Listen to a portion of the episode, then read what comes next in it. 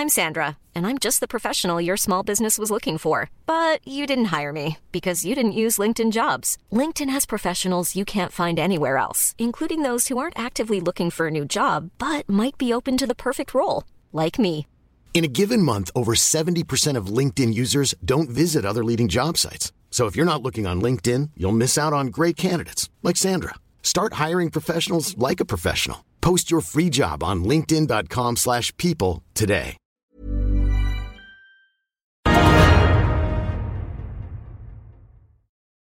Velkommen til Økonominyhetene og vår morgensending onsdag. I dag skal vi ta dere gjennom Asia-børsene. Vi skal gi dere en oppdatering på oljepris sammen med sjef for globale oljemarkeder i Rystad Energy, Bjørnar Tonhaugen. Vi skal også innom Oslo Børs, og vi har snakket med analysesjef i Clarkson Plato, Erik Tønne fra morgenen av. Vi skal også gi dere en koronaoppdatering, men først skal vi til Wall Street og se hva de amerikanske børsene endte i tirsdag kveld. Dow Jones falt 0,1% Nasdaq endte ned 1,4% den SMP 500 falt 0,5 Retter vi blikket mot Asia, er det mest positiv stemning onsdag morgen. Nikki 225 i Japan endte ned 0,06 mens den brede Topic steg 0,1 Hang Seng i Hongkong la på seg 0,2% mens CSI 300 i Kina steg 0,3% Vi skal høre at Apple vil få problemer med å levere like mange iPhoner som de har pleid I think you know the rule of thumb is that we, we expect iPhone shipments uh, to be 25% below where we were expecting them uh, mid-February. Uh, you know, when you look at uh, how long the, the, shutdowns have happened in China, how, how long they've been uh, shutting down their phones, and like the impact of two days um, uh, two days shutdowns in in most markets. That that's a kind of number we would expect. And I wouldn't expect that to be a surprise because, as you've said, uh, this this is something the company has uh, uh, guided, not guided for, but like, like they've removed their guidance to to to manage expectations, and, and that's something people have been able to to follow. Så over til oljeprisen. Vi ser at Brentollen ligger stabilt rundt 21 dollar fatet akkurat nå. Det var press ned på oljeprisen i går, og det er ventet at bunnen enda ikke er nådd. Vi setter over til Bjørnar Tonhaugen i Rystad Energy for en oljepriskommentar. God morgen, Bjørnar Tonhaugen. Du er jo da eh, sjef for globale oljemarkeder i Rystad Energy. Eh, hvor skjørt er oljemarkedet akkurat nå? Oljemarkedet er veldig skjørt, og jeg tror det er mye skjørere enn eh, selv mange oljeselskaper er klar over, faktisk. Fordi den uh, ubalansen vi ser mellom etterspørselsbildet og produksjon, den er så stor akkurat nå. Sånn at vi, um, vi fyller oljelagrene i rekordfart. Og vi fyller dem så raskt at vi snart går tom for lagringskapasitet, kanskje i løpet av mai måned. Og da må da må oljeproduksjon stenges ned, faktisk. Uh, I ganske stort monn. Og, um, og, oljeprisen også uh, reflekterer da et oljemarked som rett og slett ikke har plass til all den produksjonen som mange planla å, å, bringe til markedet. Og da blir oljeprisen også veldig lav. Så jeg tror ikke vi har sett det siste av, av oljeprispresset nedover. Eh, ennå. Og at vi kan fremdeles få en ny bunn i oljeprisen. I går eh, var det sterkt press på oljeprisene fra morgenen av, og så kom det en rekke nyheter i løpet av dagen som eh, bl.a. fra USA, hvor Donald Trump eh, tvitret at eh, de skulle gjenåpne stater, eh, det skulle tilføres ny likviditet i oljemarkedet, men man så også at flere oljeselskaper eller brønner ble stengt ned, altså produksjonen stoppet opp. Det skrev du i hvert fall i en rapport på ettermiddagen i går. Hva kan vi forvente mer av dette fremover? Ja, jeg tror at det er nå gode signaler på smittetallene som ligger til grunn for, for disse nyhetene om at både europeiske land og USA i hvert fall kan begynne å planlegge en gradvis åpning åpningen av økonomiene. Eh, og det er selvfølgelig det eh, som alle håper, og som vil bringe også oljemarkedet ut av denne krisen på et eller annet tidspunkt. Men problemet nå er at uh, dette vil ikke skje på en måte raskt nok for oljemarkedet. Um, Sånn at produksjonen vil fremdeles være en god del høyere enn selv um, etterspørselen når disse økonomiene i løpet av mai gradvis åpner. Og da vil vi uh, fremdeles ha den risikoen ved at oljemarkedet eh, går tom for altså, tom i anførselstegn for, eh, for lagringskapasitet, og at eh, oljeprisen må videre ned først. Eh, og så vil jo dette legge grobunnen for en gjeninnhenting i oljeprisen, og at man gradvis kan begynne å få balanse mellom tilbud og etterspørsel igjen nærmere sommeren. Og disse OPEC-kuttene som ble avtalt i løpet av påsken, de trer nå i kraft fra 1. mai, altså allerede egentlig nå på fredag. Eh, men de i seg selv er faktisk ikke i størrelsesorden store nok til å alene bidra til å få denne balansen umiddelbart mellom tilbud og etterspørsel. Og Derfor så tror vi at dessverre så må vi også se ytterligere produksjonsnedstengninger utover det som allerede noen selskaper har annonsert, sånn som i USA. Ja, og hvis vi, du, du, sier også at du tror at oljeprisene vil ligge på rundt 20 dollar i andre kvartal. Eh, men at vi også kan få lavere nivåer i mai. Hvor lavt tror du vi skal da? Vi har jo sett en rekke skrekknivåer allerede. Ja, eh, og da, kom, da kommer det an på hvilken oljepris man snakker om. Eh, fordi de fleste tenker på oljeprisen som denne Brent Futures-prisen som man ser ofte på skjermen. Uh, som nå er en uh, futures-kontrakt for uh, snittet av nordsjøoljer. de viktigste nordsjøoljene for leveranse i juni måned. Mens de fysiske oljeprisene i Nordsjøen per i dag, som da gjelder egentlig for lasting om bord på skip i, mai måned, de er mye lavere enn en den Brent Futures-prisen. Så når vi snakker om den 20 eh, dollar-fatet eh, som et snitt, så er det snakk om Brent Futures-prisen, som mer eller mindre er den høyeste oljeprisen akkurat nå i markedet også. Eh, så jeg tror at Brent Futures-prisen, fordi den handler for juni, og i juni kommer ting til å se noe bedre ut for fundamentalene, den trenger nødvendigvis ikke bli veldig, veldig lav eller til og med negativ, sånn som vi så i USA for denne VTI-prisen forrige uke, som faktisk måtte handle på negative tall uh, før denne kontrakten forfalt. Så det tror jeg ikke nødvendigvis kommer til å skje med Brent uh, Futures-prisen. Uh, og det er flere grunner til det, men, men at også Brent Futures-prisen kan komme noe ytterligere ned nå i mai før det blir bedre, det tror vi er, er relativt sannsynlig. Er det vanskelig å, å, følge dette markedet nå? Det virker som det er veldig stor volatilitet fra dag til dag. Eh, og, og som Twitter-meldinger kan ha positiv innvirkning, men samtidig så venter jo man på at kutt skal treffe markedet. Hva, må vi belage oss på mer volatilitet? Ja, definitivt.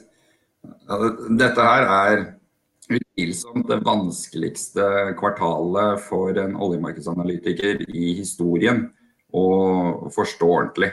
Fordi For det første så, så, vet jo egentlig ingen nøyaktig hvor lav etterspørselen i markedet er akkurat nå. Ikke engang fra alle raffineriene i, i verden. Eh, og så når det er så stor ubalanse mellom tilbud og etterspørsel, og det er et stort eh, behov da, eh, i balansene for å redusere mer oljeproduksjon, så kan det jo hende også at det allerede har skjedd uten at analytikerne har plukket opp Sånn at man har da så mange sant, bevegelige deler nå i oljemarkedet, i tillegg til at prisen og markedet blir veldig nervøst og usikkert og vil reagere voldsomt, så er nok dette utvilsomt det vanskeligste, den vanskeligste perioden i hvert fall jeg har opplevd som oljeanalytiker å analysere.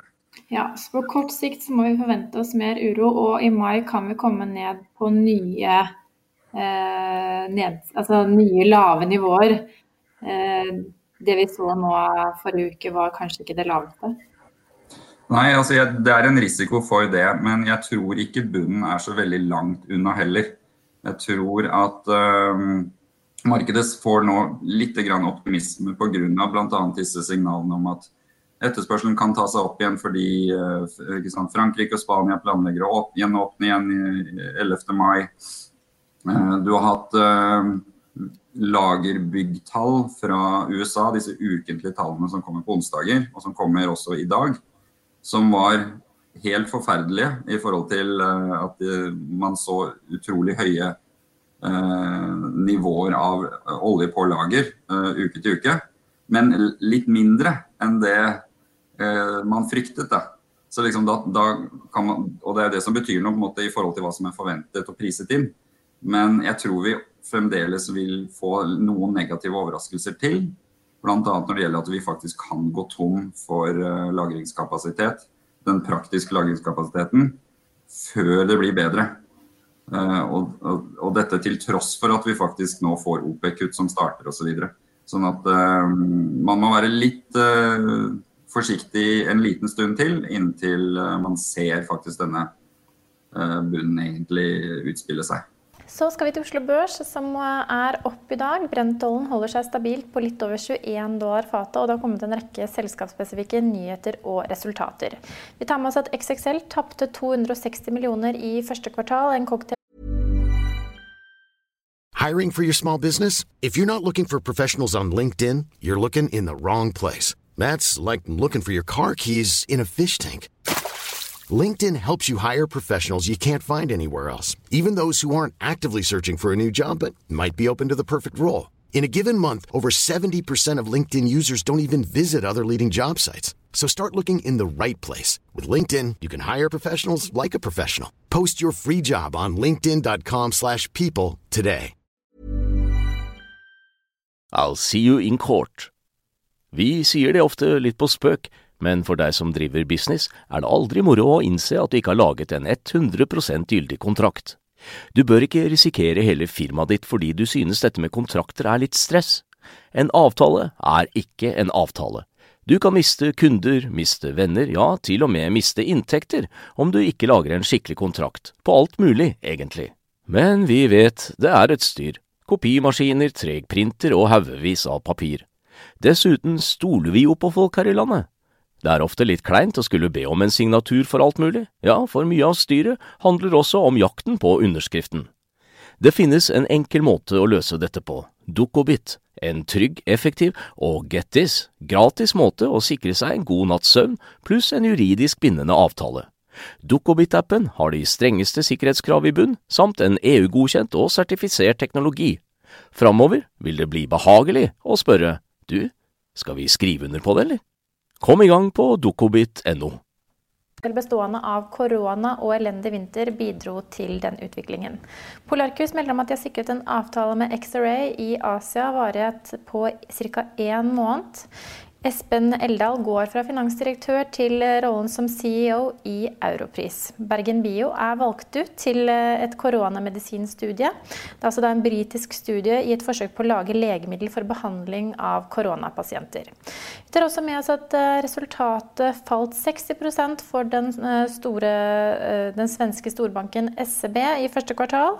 Og lakseprisen, dvs. Si eksportprisen for laks, holder seg relativt stabil fra forrige uke, opp ca. 0,5 0,6% til 56,5 kroner per kilo fersk, eller dvs. Si kjølt laks. Så skal vi gjøre et dypdykk inn i shipping og offshore med analysesjef i Clarkson Plato, Erik Tønne. God morgen, Erik Tønne, analysesjef i Clarkson Plato. Eh, du dekker shipping og offshore i dette meglerhuset. og Hva kan du si om stemningen i markedet akkurat nå? Nei, det er, eh, det er, jo litt forskjellig, avhengig av om du ser på shipping eller offshore. Eh, shipping er jo relativt blandet, eh, hvor tørrbulk, bilshipping og container selvfølgelig er blant de segmentene, i tillegg til cruise, som har sett størst skadevirkninger av krisen som er initiert av korona. Mens tankmarkedet akkurat nå har vært helt, helt fantastisk med tanke på rater og sett fra eiernes ståsted. Eh, og Det er jo igjen drevet av situasjonen i oljemarkedet med vesentlig overproduksjon eh, og et eh, behov for voldsom økning i flytende lager, altså lagring på, på tankskip. Så, så, tank har vært helt strålende i forhold til markedsbetingelsene de siste par månedene. Jeg si. Mens øvrige shippingsegmenter har vært sterkt preget av situasjonen i korona. Hvis vi ser på offshore, så kommer det en relativt bratt og brå nedtur i offshore og det er selvfølgelig initiert av koronakrisen og oljeprisfallet. Men jeg vil si at det er, det er tre elementer som driver en, en, en nedadgående spiral for offshoremarkedet. Det første vi ser er eh, store problemer, operasjonelle forsinkelser, kanselleringer og lignende pga. korona og koronarisiko.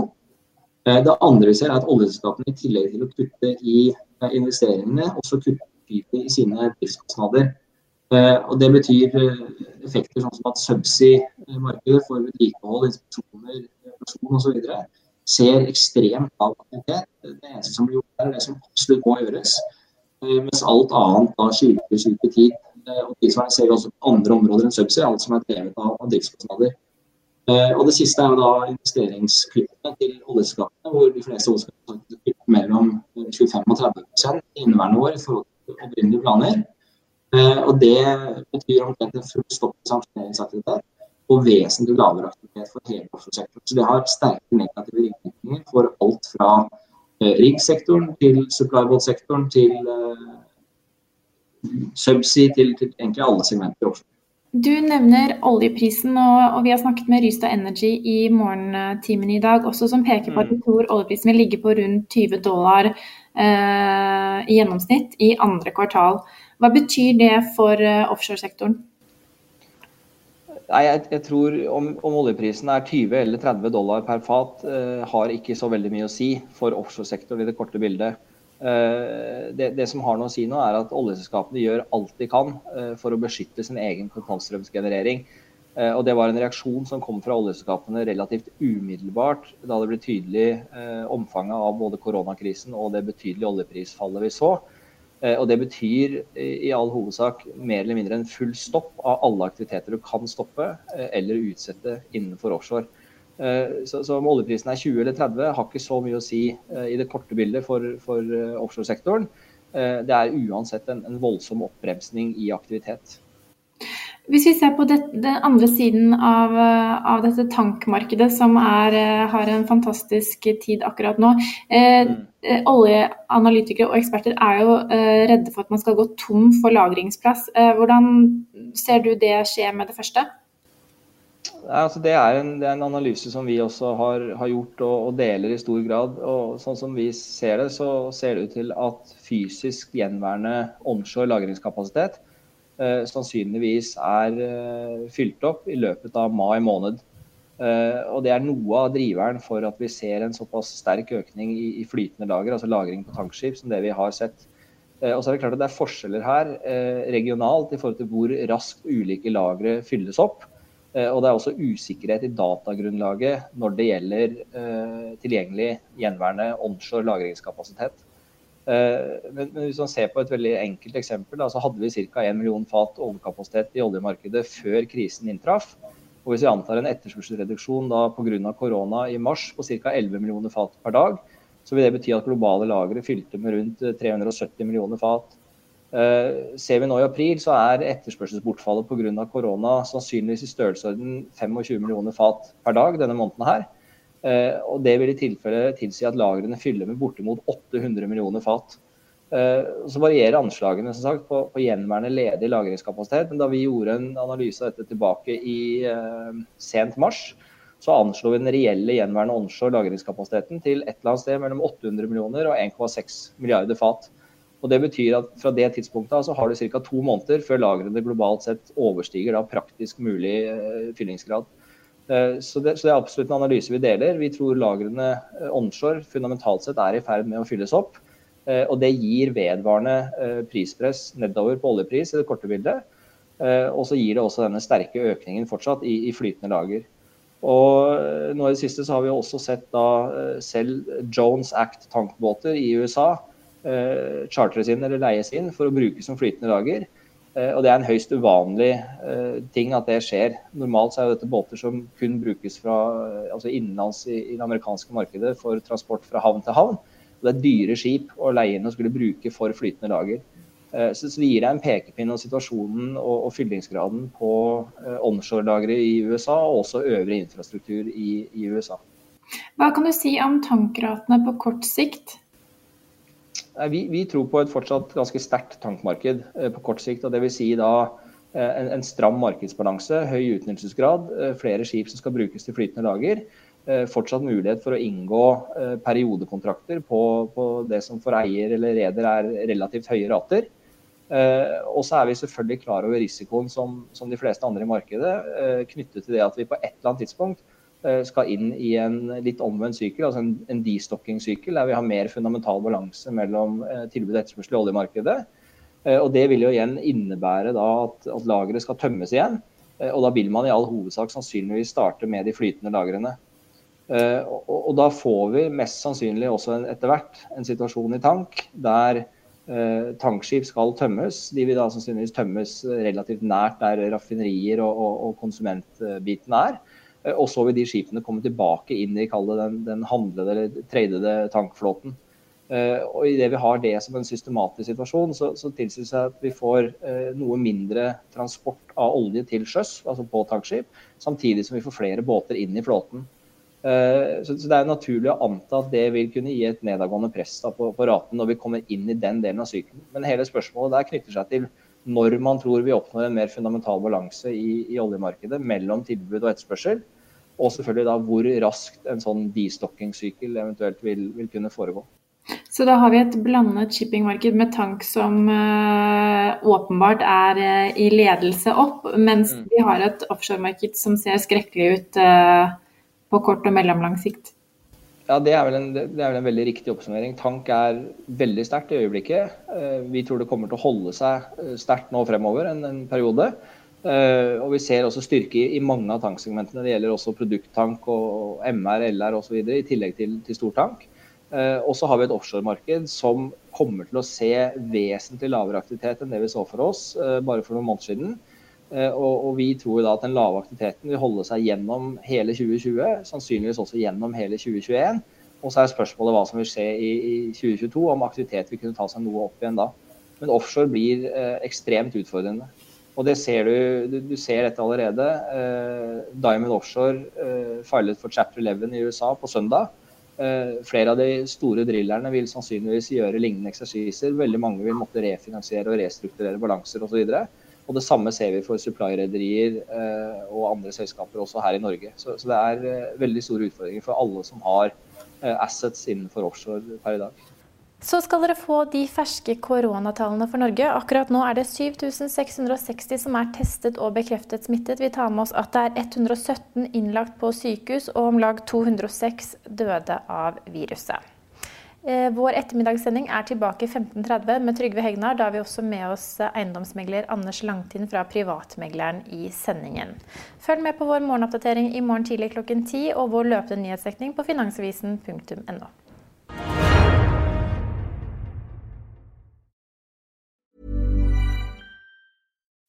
As humans, we're naturally driven by the search for better. But when it comes to hiring, the best way to search for a candidate isn't to search at all. Don't search, match with Indeed. When I was looking to hire someone, it was so slow and overwhelming. I wish I had used Indeed. If you need to hire, you need Indeed. Indeed is your matching and hiring platform with over 350 million global monthly visitors, according to Indeed data, and a matching engine that helps you find quality candidates fast. Ditch the busy work. Use Indeed for scheduling, screening, and messaging so you can connect with candidates faster. And Indeed doesn't just help you hire faster. 93% of employers agree Indeed delivers the highest quality matches compared to other job sites, according to a recent Indeed survey. And listeners of this show will get a $75 sponsored job credit to get your jobs more visibility at Indeed.com slash podcast. That's Indeed.com slash podcast. Terms and conditions apply.